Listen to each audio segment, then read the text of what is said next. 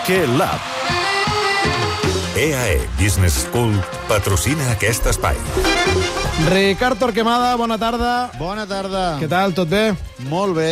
A veure, uh, la veritat és que anava a començar per, per Gundogan, que era l'objectiu inicial de, del laboratori d'avui. Va, i començaré per, per Gundogan, però no t'escaparàs de la de... Tens temptacions de darder. Sí, tinc tentacions d'anar al, al gra, però eh, si a, acaba venint Gundogan, eh, encertem segur.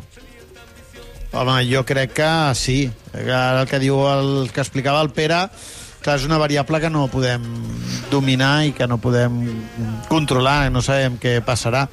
Eh, però futbolísticament és un encert segur, si no Guardiola no estaria lluitant perquè es continués al City. Estem parlant d'un futbolista que, a més, pot ocupar qualsevol de les dues posicions que ara mateix al migcamp del Barça hi ha tant la de l'arrel com la, de, la del joc entre línies.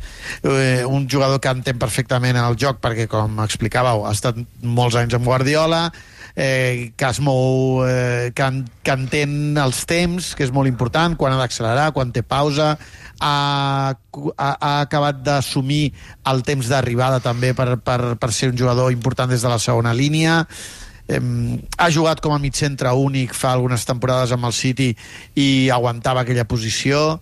Bé, jo crec que és un totcampista o sigui, el migcamp és que pot desenvolupar el rol que vulguis i sempre t'ho farà bé. Eh, eh, el Barça necessita migcampistes ho deia no? el Bernat fa una estona que Xavi està obsessionat en tenir més elements en aquesta zona. Si a més pots tenir un element de qualitat diferencial com Gundogan home, doncs és una oportunitat eh, que no pots perdre. De tot allò que, que té i de totes les virtuts eh, que tu pots destacar d'ell, què és la que creus que més necessita el Barça del seu eh, joc? Mm, pausa. Jo crec que el futbol eh, va cap a una línia de molta acceleració, de molta intensitat, i jo crec que encara, sobretot en les zones on es cuinen els, les jugades, i, i pel que el Barça de Xavi ens ha ensenyat, que és veritat que busca una miqueta d'equilibri entre, entre aquesta verticalitat, acceleració i aquesta pausa, eh, que és la que pot donar Pedri, o aquest, aquesta passada mm, extra, eh, algú que, que, que no només pensi en profunditat, que també pensi en amplitud. Clar, jo crec que, que, que això és el que Gundogan eh, pot injectar més al Barça, perquè el Barça no va sobrat d'aquesta eh, comprensió del joc, o, o, o no tant del joc com dels ritmes del joc, no? De, mm. de, de quan cuinar foc més ràpid, de quan més lent, segons la zona, segons el context, segons on tinguis els teus companys, segons on sigui el rival. Eh, jo crec que Gundogan s'ha convertit en un savi del mig camp i, i, i per tant, més enllà que és un jugador completíssim, crec que, que el Barça li, li pot donar consistència, eh, futbolística.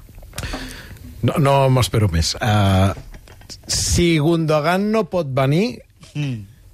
per uh, relació qualitat-preu i atesa la situació del Barça, Darder et fa el, et fa el fet? Mm, jo crec que no, no, no hauríem de contemplar Darder com una alternativa o un pla B a Gundogan, perquè jo crec que són coses diferents. És a dir, Eh, també heu, heu començat amb el programa i parlàveu una mica de, de, si, de si Darder era un jugador de fons de plantilla o podia ser un recanvi de Gundogan, eh, low cost, entre cometes. Jo, per mi, Sergi Darder és un migcampista que el Barça podria tenir a la plantilla perquè li falten migcampistes, però mai, mai un recanvi de Gundogan. Sobretot perquè jo, jo crec que jo tinc algun dubte sobre l'encaix de Darder a, un, a una idea futbolística com la del Barça. És a dir, per mi hi ha, hi ha dos elements. Un, la desesperació de Xavi per trobar jugadors que puguin jugar entre línies. Ara fa una setmana parlàvem que puguin girar 360 graus, que és una cosa que Xavi, per Xavi és diferencial en un migcampista i Darder ho pot fer, i per tant, un jugador amb molta qualitat individual, eh, i com que estem buscant opcions sota les pedres, si a més econòmicament té una, un, una finestra oberta, doncs ell hi va de cap. Perquè, a més, ens, ens consta que Xavi eh, jugadors del perfil de Darder n'ha buscat i rebuscat. És a dir, que ha baixat fins a perfils que mai hauríem pensat que són jugadors per a aquesta posició. Eh, probablement hi ha opcions més cares, eh, però jo, jo crec que el Barça no s'hauria d'aturar en Darder, hauria de buscar alternatives eh, qualitat-preu semblants a Darder. Jo, per, per mi, eh, el que em genera de Darder dubtes és, jo crec que ell no pot jugar l'arrel de la jugada tal com està jugant el Barça, futbolista que condueix molt, eh, acostumat a ser epicentre dels seus equips, tenir molta llibertat, jugar molt de cara, eh, ser vertical, eh, però... Estem parlant de Frenkie de Jong? Eh, estem parlant d'un Frenkie de Jong per mi, nivell, eh? més, però més radicalitzat. Jo crec que Frenkie de Jong moltes vegades encara eh, pensa molt ràpid i intervé en pocs tocs. A Sergi Darder és molt difícil perquè sempre ha estat la bandera últimament de l'Espanyol sobretot. Eh, des de l'etapa del Màlaga jo crec que Darder eh, tot ho fa amb molts tocs, però perquè és el jugador que, eh, diríem que, on, on el futbol reposa del seu equip. Per tant, té aquesta responsabilitat. I aquí ha de canviar absolutament el seu rol. Hauria de pensar més ràpid, tocar més ràpid, interpretar amplituds, quan ell normalment és un jugador que està fent, eh, o que l'Espanyol jugava molt eh, vertical perquè era un equip de transicions, per tant, que buscava sempre posicions de davanter, passada profunda, arribada, rematada des de segona línia, però no era un... No, no, eh, l'Espanyol no podia ajuntar l'equip, és a dir, no podia eh, agrupar per eh, tocar en espais reduïts, per desequilibrar, perquè l'Espanyol, si podia atacar un 2 contra 2 o un 3 contra 3, cada cop era gairebé obligatori. És a dir, crec que està acostumat a fer coses molt diferents de les que hauria de fer que no vol dir que no les pugui fer. El que dic és si les pot aprendre tan ràpid com per ser jugador capital, titular, diríem, o perquè si no ve Gundogan, per la pregunta, eh, amb unes circumstàncies que no dic que no tingui les condicions per fer-ho, sinó que no, la, no ho ha fet mai i està molt allunyat del que estava fent fins ara. Mm, o sigui, No veus, jo, eh?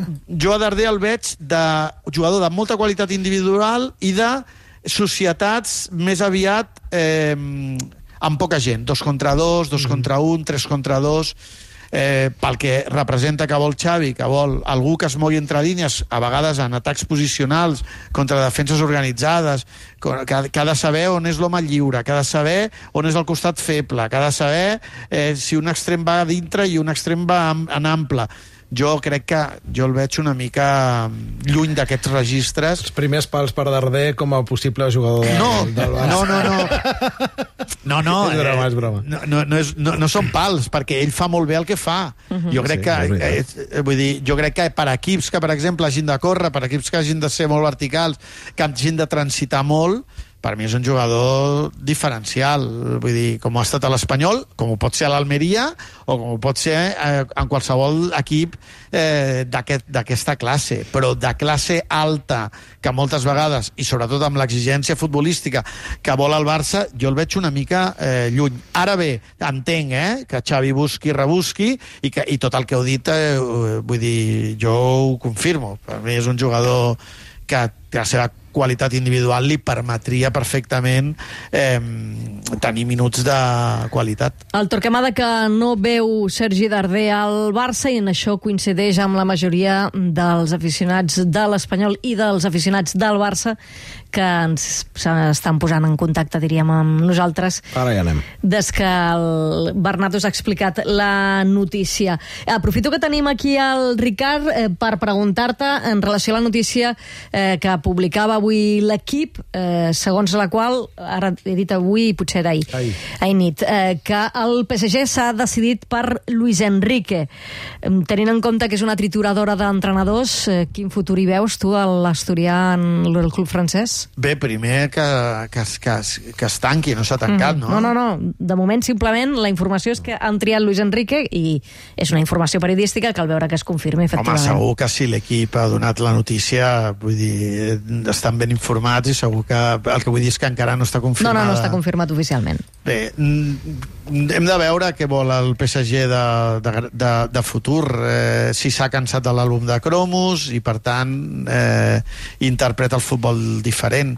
Jo, el que sí que tinc clar és que Luis Enrique, si l'equip que, que hi vagi, l'haurà seleccionat, l'haurà triat, i haurà preguntat i haurà valorat què busca que busca el club. És a dir, jo, crec, jo tinc la sensació que Luis Enrique la temporada passada o fa dues, si hagués rebut una oferta del PSG no hi, hau- no hi hauria anat, més enllà que ell també estava en actiu a la selecció espanyola i que si s'ho està plantejant és perquè potser ha vist algun estímul que li indica que comença un cicle nou que potser on no hi ha tant talent individual però potser es pot construir alguna cosa col·lectivament que ell pensa que pot gestionar Bé, si s'arribes a dues setmanes abans igual Messi fa un cop de cap i, i es queda i reediten gairebé el, el trident de 2015, no? a veure què passa, no?, amb Neymar, Mbappé, sobretot aquests, aquests, aquests Sí, jugadors, sí. però hi han marxat Messi i Sergio Ramos i han arribat futbolistes de perfil... Veus, en canvi, Ramos ha marxat oportunament. Sí, perfil notable com Skriniar, Ugarte Mm. i qui era l'altre que ha arribat? Asensio, en principi, I Marco fitxarà, Asensio, no? correcte, tots tres, sí, sí. Molt bé, doncs home, també estarem pendents del futur de, de Luis Enrique, a veure si, si el porta o no a París, com explica l'equip en, les últimes, en les últimes hores. Ricard, gràcies. A vosaltres.